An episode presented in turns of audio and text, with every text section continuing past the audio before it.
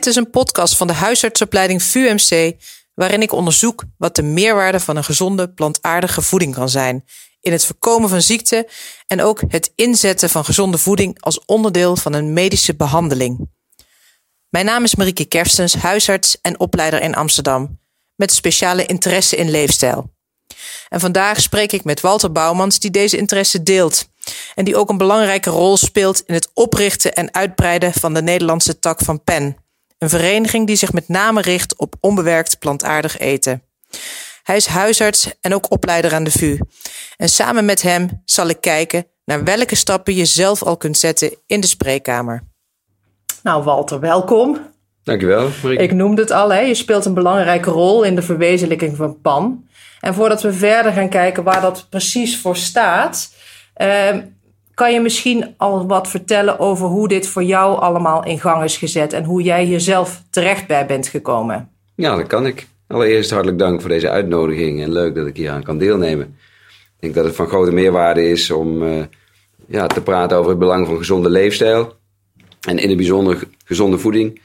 Um, ik ben hier op dit pad gekomen door een collega, geïnspireerd door een andere huisarts, uh, Tamara de Weijer die uh, ja, al jaren uh, de weg plaveit voor uh, collega's zoals jij en ik.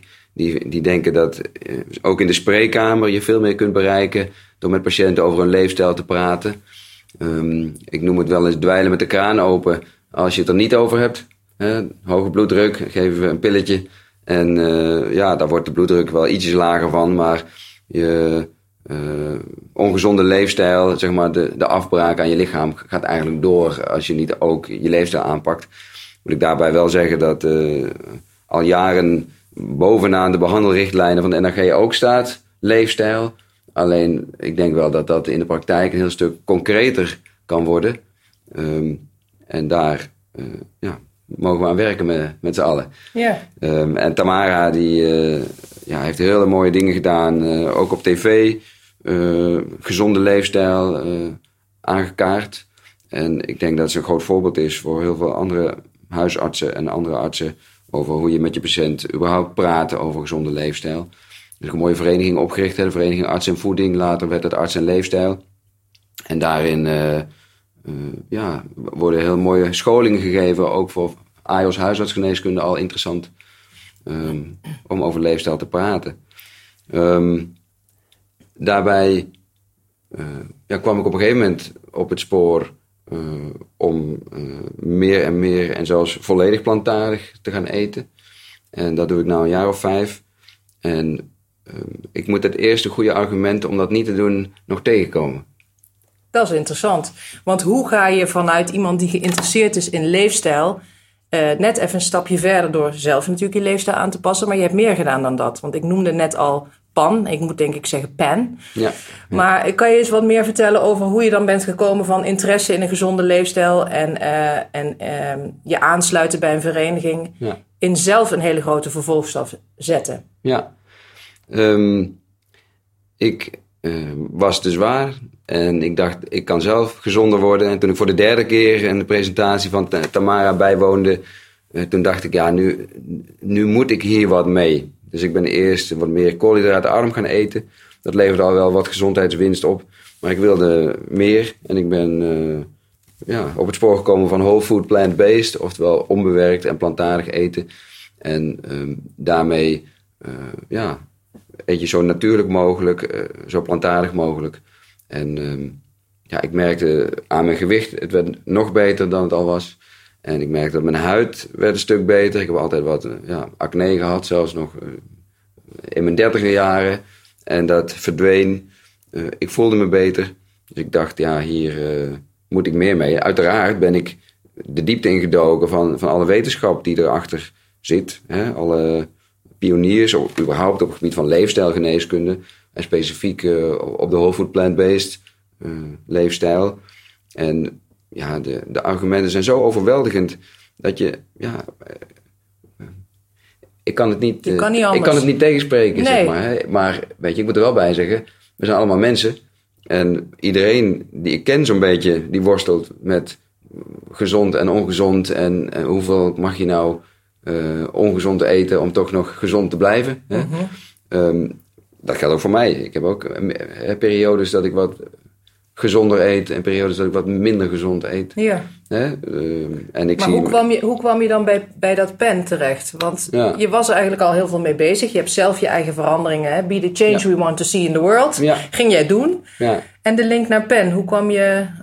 Wat is dat voor een vereniging? En wat, waarom besloot jij daar meer in te doen dan nou, het begon ik? voor mij ook in de spreekkamer. Dat ik gefrustreerd raakte dat ik die, die mensen met die chronische ziekte zo weinig te bieden had.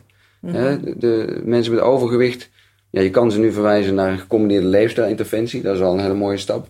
Je kan ze verwijzen naar de bariatrische chirurgie. Um, obesitaspolies in ziekenhuizen. Hè. Daar worden hele mooie dingen gedaan. Maar de ja, meeste magie vindt toch echt plaats in die huisartsenspreekkamer. Hè. Dat de patiënt tegen jou zegt... Uh, dokter, wat moet ik doen? Wat raad u me aan? En ik ben uh, ja, nou, met een aantal mensen die daar uh, voor open stonden een, een te gaan doen, zodat ze uh, ja, bij me terugkwamen dat, met, met voedingsanamneses en, en gewoon kijken van hey, wat, wat doet dat dan met je bloeddruk? Die mensen die, die wilden graag kijken wat ze zelf konden aanpassen, want de meeste mensen willen liever niet levenslang op een medicijn worden gezet door hun dokter. En nou, ik zag daar voordelen en voordelen uh, zeg maar aan voorbij komen. Een, een man met overgewicht en pijnlijke knieën ja, die ging meer plantaardig eten. En, en twee maanden later had hij geen pijn meer in zijn knieën. Ja, dat zijn van die mooie voorbeelden. Die, die houden je wel gemotiveerd. En die motiveren dus ook om te denken: hé, hey, waarom uh, gaan we niet meer verbinden in Nederland? Want met name zijn er al jaren in Nederland een aantal diëtisten die zich bezighouden met meer plantaardig eten of zelfs met volledig plantaardig eten. En voor mijn gevoel opereerden die ook vooral een beetje op hun eigen eilandjes. En ja, ik was natuurlijk wel benieuwd. Zijn er nog andere artsen en collega's die uh, meer doen met uh, onbewerkt plantaardige voeding in hun uh, dagelijkse werk? Dus ik ben die op gaan zoeken, gewoon via internet, wat ik maar kon vinden. Ik ben e-mailtjes gaan sturen van, hey, zullen we een keertje video bellen een keertje kletsen? En nou, het blijkt dat die, die groep die was veel groter dan ik had verwacht. Alleen, ja, er was nog geen verbinding daarbinnen. Dus ik heb, ik heb ook bij Vereniging Arts en Leefstijl bepleit om, om meer te doen met plantaardige voeding. Nou, die waren er nog, nog niet helemaal aan toe. Die wilden liever in het uh, algemene midden blijven op dat moment. En um, nou, Tamara heeft mezelf aangeraden van richt dan maar een vereniging op. Dus dat heb ik gedaan. En inmiddels uh, ja, hebben we tientallen leden en hebben we eind mei ons, eerste landelijke congres over gezonde plantaardige voeding. Ik ben naar uh, een aantal buitenlandse congressen geweest, VegMed in Londen. En ja, er zijn heel veel inspiratiebronnen. Te veel om op te noemen eigenlijk. En dus eigenlijk zeg je, ik begon gewoon in de spreekkamer in mijn eentje te kijken wie, wilde, wie staat er voor open. Hè? Dat, daar wil ik het zo ook nog wel even over hebben. Want mijn ervaring is soms dat dat ook best wel lastig is. Ja. Maar goed, van daaruit ben je eigenlijk gaan zoeken naar verbinding met andere artsen die er hetzelfde in staan. En zo is die vereniging ontstaan. Juist. Maar waar, wat, wat maakt die vereniging dan anders dan bijvoorbeeld arts en leefstijl? Want je zegt al, nou dat vonden ze net iets te radicaal bijna, hoor ik. Hè? Ja, Want dat is ook een beetje mijn indruk, dat mensen het dit al snel radicaal vinden. Uh, mijn eerste vraag is: hoe krijg jij mensen dan in de spreekkamer toch zover? Want mijn ervaring is toch dat mensen zeggen: zo'n pilletje is ook wel makkelijk. Waarom zou ik allerlei dingen gaan doen terwijl ik ook een pilletje kan slikken? Wat, wat maakt het bij jou anders? Hoe komt het dat jij toch best wel wat mensen meekrijgt die toch wel zo'n radicaal uh, eetpatroon uh, willen aangaan? Of vergis ik me daarin? Um, nee, vergis daar helemaal niet in. En lang niet iedereen staat daarvoor open. En uh, ik, ik zeg ook niet tegen mensen: je moet in één keer je complete leefstijl veranderen, want dat, dat werkt ook niet. Dus ik ga met mensen kijken van waar zitten de kleine verbeteringen. Ik gebruik bijna dagelijks het leefstijlroer van de Vereniging Arts en Leefstijl. Het, het leefstijl-anamneseformulier wat ze hebben, waarin je mensen hun leefstijl in kaart kunt brengen. En dan gaan we kijken van waar kun jij verbeteren. Hè? Waar, wat wil je ook zelf verbeteren? Hè? Ik, ik denk ook dat de positieve gezondheid en uh, oplossingsgerichte aanpak hier heel goed op aansluit. Om, om mensen ja, in hun waarde te laten en zelf ook te laten kiezen welke veranderingen ze willen maken. Maar ik vind wel dat het aan de arts is om de juiste informatie te geven. En daar zit hem, denk ik, de crux. Dat uh, de voedingsrichtlijnen in Nederland, daar valt wat op aan te merken. Hè? Uh, waarom zit er zoveel verschil in voedingsrichtlijnen tussen landen? In, in het ene land staat zuivel in de gezonde voedingsrichtlijn. In het andere land komt het er niet meer in voor. er zijn wel wereldwijde trends. denk aan het, het minderen van vlees. Ja, is dat radicaal? Ik denk dat in de jaren 60 mensen het heel radicaal vonden als er één dokter was die zei dat je moest stoppen met roken. Dus ik denk dat tijdgeest hier van heel groot belang is. En de, Vereniging Arts en Leefstijl was eerst arts en voeding. En die wilde zich in de, in de breedte gaan ontwikkelen. Om ook meer te doen met bewegen, goed slapen, minder stressen. En, en zo een, een nog breder draagvlak te gaan krijgen. En wij vonden dat daardoor de, de aandacht voor gezonde voeding ja, een beetje op het tweede plan kwam te staan. Ja, dus dit dus vult een beetje aan. Dit vult aan, dat is precies wat het is. Ik ben nog steeds hartstochtelijk lid van Arts en Leefstijl. Ook van het NRG overigens hoor. Als we het dan hebben over welke bronnen kunnen AIOS nou aanboren... van wat vertel ik mijn patiënt over gezonde voeding... verwijs ik ook heel veel mensen gewoon naar thuisarts. En op thuisarts staan een paar hele mooie pagina's... over ik wil gezond eten bij mijn hoge bloeddruk of bij mijn hoge cholesterol. En daar zul je nergens in terugvinden... ga meer vlees eten, ga meer eieren eten, ga meer kaas eten. Dat staat er niet in. Nee, nee, precies. Precies. Dus eigenlijk zeg je klein beginnen uh, en ook kijken misschien wie je voor je hebt. Want de, de richtlijn uh, is, is een beginsel. Ja. Uh, in jouw hoofd is het misschien heel groot. Maar toch werkt het pas als je met degene die voor je zit in gesprek gaat. Hè? Je noemde al de leefstijlanamnese, je noemde informatie aanbieden. Maar ik hoorde je ook zeggen, als huisarts heb je op zijn minst de taak om te signaleren dat er mogelijk een probleem is. Ja. En om te informeren dat je er wat mee kan doen. Juist. En ik denk dat daar misschien ook een belangrijke kern zit. Dat de ene arts zegt, vervolgens ga ik ook nog begeleiden. Maar de ander zegt misschien, ik sluit me aan bij een diëtiste die dit verder kan oppakken. Hè? Dus, dus de, die eerste twee stappen zijn belangrijk. Maar jij bent het even wat verder gaan uitbouwen. Ja, ik denk, het zit hem vooral in het volledig informeren van je patiënt. De patiënt heeft het recht om te weten wat zijn mijn opties, wat zijn de voor- en nadelen van mijn opties. En heel veel artsen weten niet eens dat atherosclerose omkeerbaar is. Dat er studies is dat zijn zo gedaan. dan? Dat is zo, Marieke. Dat is toch een ouderdomsziekte?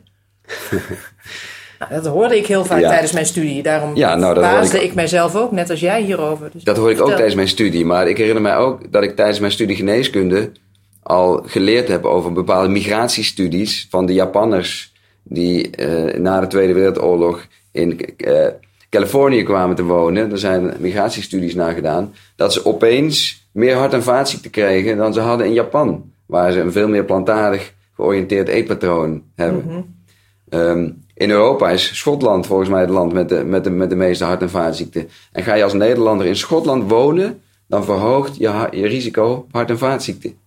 Dus um, je leefomgeving speelt een hele grote rol hierbij. En ja, je zei het net perfect. Je moet beginnen bij waar de patiënt is op dat moment. Dus daar moet je bij aansluiten. Het is ja, de mooiste vorm van maatwerk om te kijken van hè, wat gaat er in iemand om? Hoe is iemands leefstijl nu? Maar wat motiveert hem ook om te veranderen? Hè? Dus er zitten heel veel raakvlakken met de motiverende gespreksvoering. Bij, bij hè, wat alle AIOS in een opleiding krijgen. Hoe help je iemand van het roken af? Mm -hmm. Maar ook hoe, ja, hoe prikkel je iemand om, om zelf te willen afvallen. Het, het moet echt van, van iemand uit zelf komen. En is jouw ervaring dan, want je noemde net al het verhaal van een man met knieklachten die daar na een paar maanden anders eten vanaf was. Is jouw verhaal ook, of is jouw ervaring eigenlijk ook dat, uh, dat de verhalen veranderen in jouw spreekkamer? Of, of is het. Kijk, ik vind het soms best lastig en ik hoor van AJOS ook van in theorie is het mooi. Maar lukt het je ook om mensen uh, in beweging te krijgen? En lukt het jou ook om. Zie je de gezondheidsvoordelen ook in jouw spreekkamer? Want in grote studies, dat is één verhaal. Ja. Zie je het ook in de spreekkamer gebeuren? Je ziet het ook in de spreekkamer gebeuren. Daar moet ik bij zeggen, dat lukt niet bij iedereen. Um, hoeveel mensen lukt het mij om ze te laten stoppen met roken?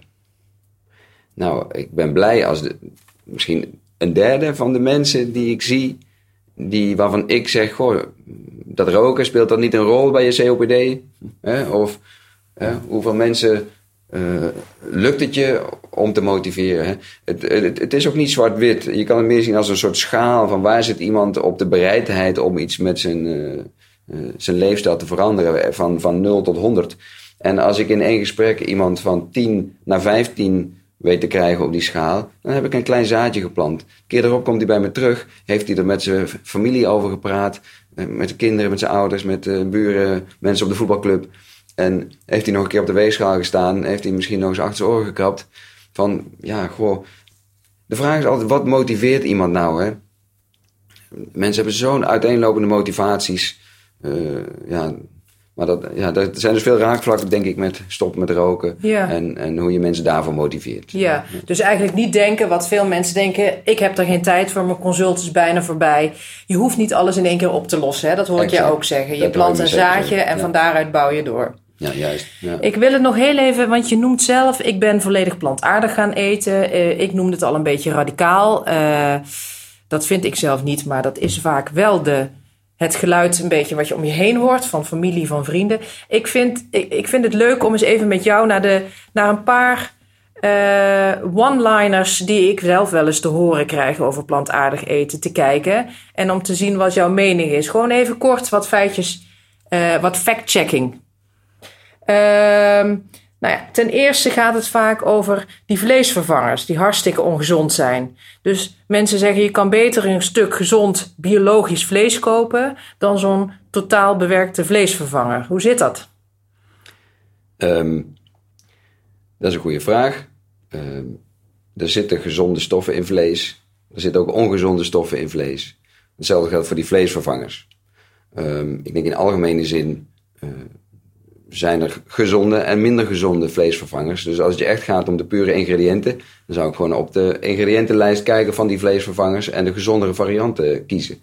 Maar de vleesvervangers zoals die nu in de supermarkt liggen, um, zijn ja, eigenlijk geen onbewerkte plantaardige voeding. Dat zijn gefabriceerde soja-eiwit of andere eiwitfabrikaten die ze in, uh, in een laboratorium en in de fabriek voor je maken er zitten ook vaak uh, ja, hoeveelheden zout, hoeveelheden olie in, waarvan je af kan vragen: is dat nou gezond? Ik vind het een hele terechte vraag.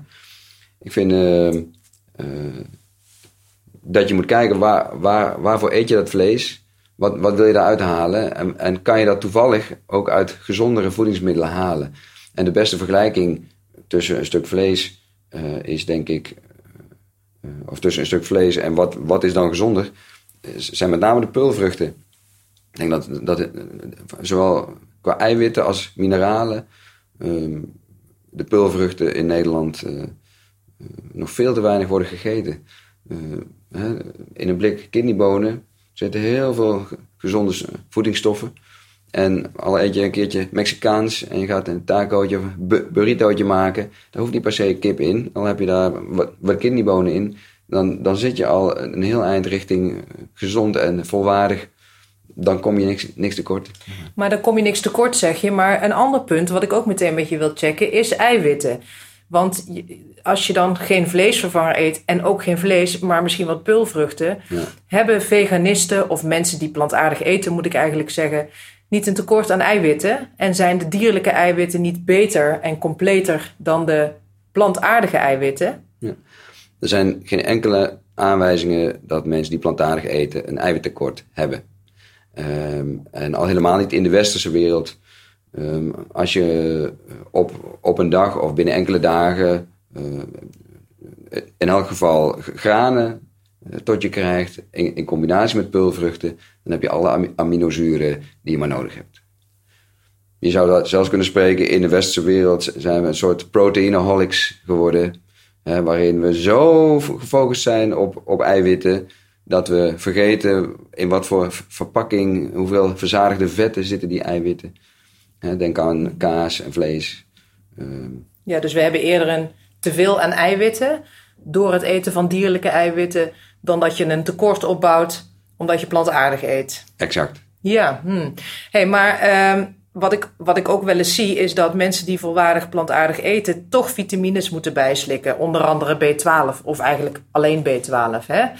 Um, dat kan toch niet dat we daarvoor gemaakt zijn als het niet compleet is, als we toch nog bij moeten slikken uit een, uit een potje. Ja, vitamine B12 is denk ik het meest gehoorde argument waarom een eh, volwaardig plantaardig voedingspatroon niet volwaardig zou zijn.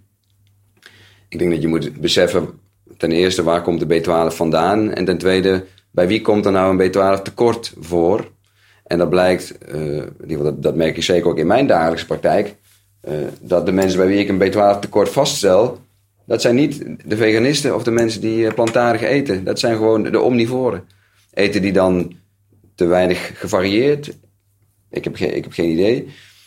De B12 komt uit de bodem. Hè? Dat wordt aan veevoer toegevoegd. Dus als je vlees eet, eet je eigenlijk ook een supplement.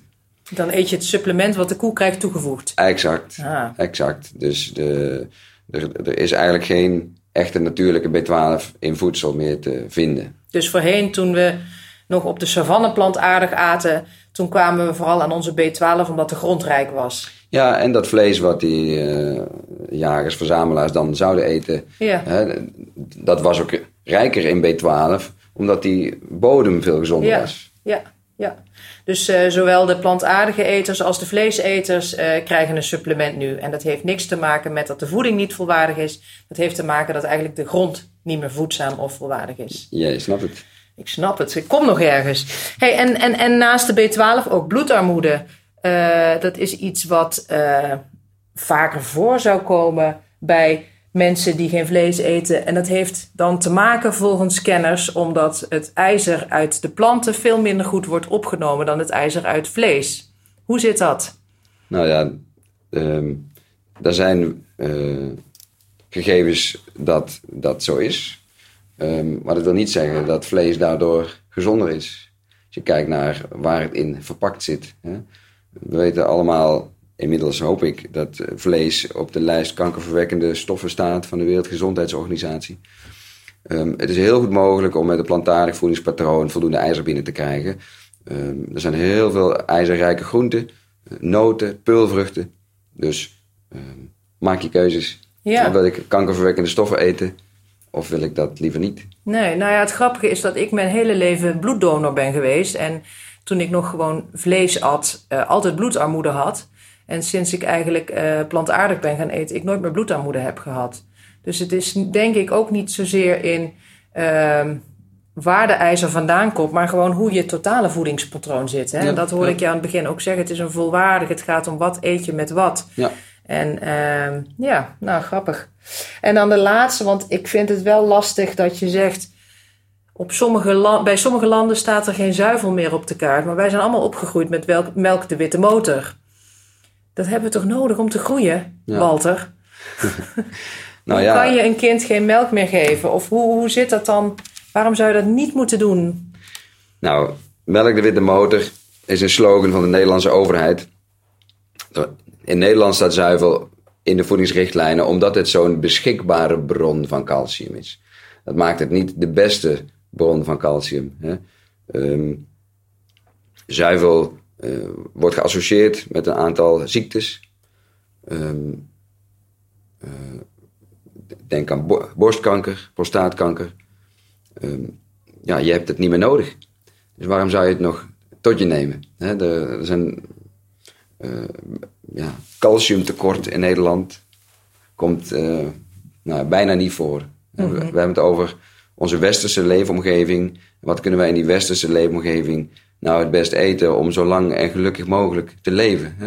Ja. Dan ga je dat vergelijken met een leefomgeving waarin ja, mensen alleen maar een paar geiten tot hun beschikking hebben, dan is het of je gaat verhongeren of je, je drinkt wat geitenmelk. Hè? Ja. Even een beetje gechargeerd gezegd. Um, maar in de, in de westerse maatschappij heb je zoveel keuze in die supermarkt, dat er zijn vele gezondere bronnen van calcium. Uh, een andere mythe is, melk heb je nodig voor sterke botten. Nou, dat blijkt helemaal niet zozeer aan de zuivelinname te liggen.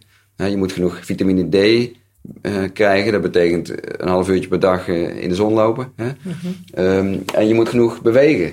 Voor de botdichtheid zijn vitamine D en uh, lichaamsbeweging de belangrijkste pijlers. Ja, dat las ik pas ook. Dat het sporten en dan vooral het belasten van die botten...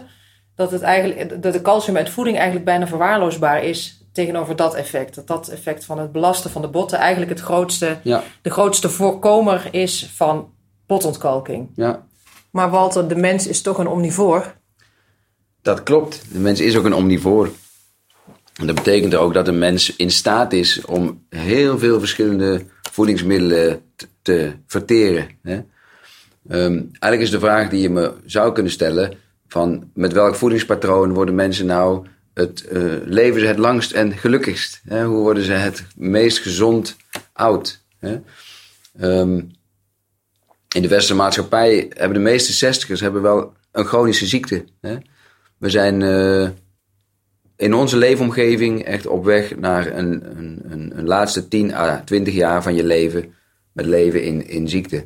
En inderdaad, ook volgens onze evolutie is de mens in staat gebleken zich aan te passen aan zijn leefomgeving en te, te eten wat hij maar tegenkwam.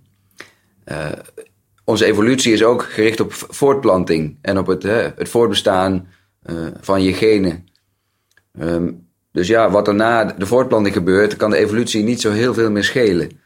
Maar de vraag die je eigenlijk stelt is: in onze westerse omgeving, waar alle verleidingen en, en overgewicht ligt op de loer, hoe worden we zo gezond mogelijk oud? En dan moet je kijken naar populatiestudies. Waar en hoe worden mensen nou het langst en gelukkig mogelijk oud? En dan blijkt dat je juist uh, zo onbewerkt en plantaardig mogelijk moet eten. De Blue Zones zijn denk ik het bekendste voorbeeld daarvan. Um, uh, waar mensen echt overwegend onbewerkt en, en, en verreweg overwegend plantaardig eten. Um, en ja, heel gelukkig en gezond oud worden zonder al te veel chronische ziekten. Dus als je de Blue Zones nog niet kent, ga ze eens googlen. Of op Instagram kijken, hè Marieke? Ja. Um, en een hele bekende studie van uh, ja, omnivoren versus vegetariërs en veganisten is de Adventist Health Study, gedaan in Loma Linda in Californië, een van de Blue Zones. Daar woont namelijk een groep uh, gelovige Amerikanen, duizenden, een hele grote groep, die uh, min of meer dezelfde leefstijl hebben. Alleen vanwege hun geloof zijn er een aantal die dat streng doen en die, die eten alleen maar plantaardig of die eten wel af en toe wat kaas of, of, of zuivel, eieren. En uit die studie komt heel duidelijk dat de, de enige groep met nog een normaal BMI is de veganisten. Dus alleen die groep heeft nog een BMI onder de 25. Um, in diezelfde groep was de, het, het voorkomen van diabetes uh, het laagst. Uh, significant laag. Ja, dat, dat zet je aan het denken. En geldt dat dan ook voor, uh, ik, ik zou bijna denken van wel, maar is het ook dan inderdaad bloeddruk, cholesterol, alle metabole parameters, scoren ze daar ook beter op? Of hebben ze dan vervolgens een lage BMI en een. Nee, ook hypertensie was, ja. was beter in die groep. En als je geïnteresseerd bent in, in het onderwerp atherosclerose, daar is ontzettend veel over te vinden. En uh, ik ken de studies niet die zeggen je moet meer vlees eten om van je atherosclerose af te komen. Terwijl er wel degelijk al een aantal studies zijn waarin uh, plantaardige voedingspatronen onderzocht worden. En de uitkomsten veel beter blijken met, met een plantaardig voedingspatroon. Ik heb nog een vraag ook. We, moeten, we lopen richting einde, maar ik hoor allemaal voordelen. Zijn er ook nadelen eigenlijk die je kan, uh, die je kan bedenken bij een plantaardig voedingspatroon. Uh, ik hoor vaak terug van, uh, ja, van bijvoorbeeld onze POH. Mensen hebben daar geen geld voor. Het is veel duurder. Ja. Of het is lastig vol te houden. Heb je, kun, nade, kun je die nadelen eens toelichten? Of, of loop ja. je daar zelf ook bijvoorbeeld met jouw patiënten in de spreekkamer tegenaan? Ik kan die nadelen wel toelichten. de belangrijkste is dat de maatschappij het nog steeds een beetje vreemd vindt Hoewel ik wel denk dat iedereen, als je om, om je heen kijkt, wel doorheeft dat we in een ontwikkeling zitten als wereld, en zeker in de westerse wereld, dat we meer uh, plantaardig gaan eten. Hè? De Gezondheidsraad had in 2015 al het advies om uh, meer plantaardig te gaan eten. Hè? Dat is de, de instantie die maakt wat er in onze gezonde voedingsrichtlijnen staat. Hè? Um, in de praktijk ja, zeg maar, krijg je sceptisch van mensen. Dat is hetzelfde als wat ik zeg in de jaren 60, 70. Hoe de rokers uh, en de niet-rokers, hoe de niet-rokers zich gevoeld uh, moeten hebben. Hè. Zelfs artsen staan op rokersreclames in die tijd. Dus ja, de, kijk, de mensen om je heen zijn lang niet altijd bezig met gezond leven. Hè. Uh, je hebt het gemak, hoe je bent opgevoed, je tradities je gewoontes ja, en je genot. Hè? Mm -hmm. Dus je, je, je moet het doen hè, als je ergens bent met wat er op dat moment aan voedsel is. In de supermarkt kun je echt ja, je uitleven, zou ik bijna willen Ja. zeggen. En om dat kostenaspect maar aan te snijden. Als je vergelijkt wat een biefstuk kost of wat een blik kidneybonen kost, om op die vergelijking terug te komen, dan snap je wel dat gezond en plantaardig eten goedkoper is dan eh, een gemiddeld voedingspatroon in Nederland. Ja, het hoeft niet biologisch allemaal per se. Hè? Want dan denken mensen vaak dat je naar markt met een Q moet. Dat is misschien wel beter, maar als je de mogelijkheid niet hebt... of als je niet veel geld hebt en je wilt iets gezonder... eh, ja, ik raad patiënten altijd aan om de seizoensgroenten te kopen. Hè? Of de ingevroren Ja. groenten en fruit. Zeker. Ehm, dus het is ook, denk ik, samen met je patiënt zoeken naar wat, wat, wat heeft iemand ervoor over en hoeveel geld heeft hij op de plank liggen. Hè? Dus ik, ik, en, en, en dat moeilijk vol te houden dan. Je noemt al eh, eigenlijk het gemak. Mensen zijn het ook niet gewend. Eh, eh, de variatie misschien is het zo. Ja, ik hoor vaak van ja, het is zo saai ook. En ik geloof dat jullie op de website wel hele mooie links hebben ook naar recepten hè, en boodschappenlijsten. Ja, ja. Want is jouw ervaring dat het ingewikkeld is en saai? In de zin, en ingewikkeld bedoel ik vooral van, moet je goed kunnen koken? Want dat kan ik bijvoorbeeld niet. Ik ook niet. Oh, Dus het is niet zo ingewikkeld. Kijk, je kan het vergelijken met eh, een bord macaroni met groente, tomatensaus. En dan zou je misschien dan een pond gehakt er doorheen gooien. Gooi eens wat linzen er doorheen. En ehm, als je een beetje varieert in je graansoorten en je gaat voor de meer volkoren varianten, doe je het ook goed. Het is echt niet zo moeilijk. En ehm, voor degenen die wel van koken houden, eh, ja, je hoeft maar te googlen op plantaardige recepten. En er zijn prachtige kookboeken geschreven. Ehm, nou ja, als je het hebt over bronnen, eh, op de website van PAN, dat is pan-nl.org. pan-nl.org. Daar hebben we onder andere de gezonde voedingsgids opgezet. Een, ook een leefstijl-anamneseformulier voor in de spreekkamer. Een, een eh, gezonde voeding checklist die je aan mensen mee zou kunnen geven. En er staan wat recepten op. Maar ik denk dat je vooral je eigen fantasie moet gaan gebruiken. En, en zelf, zelf op onderzoek moet gaan. Nou, Ja. Instagram, inderdaad. Ja, misschien ben ik wat oud dat ik zeg, ga maar googlen. ja. Nou ja, nee, ik had het er met de assistentes over. En die volgen dan allemaal leuke mensen op Instagram met de beste salades, met weinig ingrediënten. Dus Ja. we leven ook, denk ik, in een tijd waarin het aanpakken van je leefstijl, het veranderen van je voedingspatroon ook makkelijk is. Hè? We hebben de luxe dat je in de supermarkt Ja. van alles kan kopen. Maar ook de luxe dat we niet meer één duur kookboek op de plank hebben. Maar gewoon online inderdaad allerlei makkelijke recepten kunt vinden. hè. Je noemt al jouw organisatie. eh, dus pam-nl.org. Eh, net toen we aan het voorbespreken waren, noemde je ook al thuisarts. Hè? Dat Ja, is natuurlijk zeker. een bekende bron. Wat, wat, wat kun je op thuisarts vinden? Nou ja, die stipte ik net ook al aan. De, eh, er zijn meerdere pagina's over gezonde leefstijl ook over gezonde voeding op thuisarts. Eh, vaak per aandoening eh, gesorteerd. Maar ook als je het woordje leefstijl alleen al intypt op thuisarts, kom je al op een paar hele mooie pagina's. Ehm,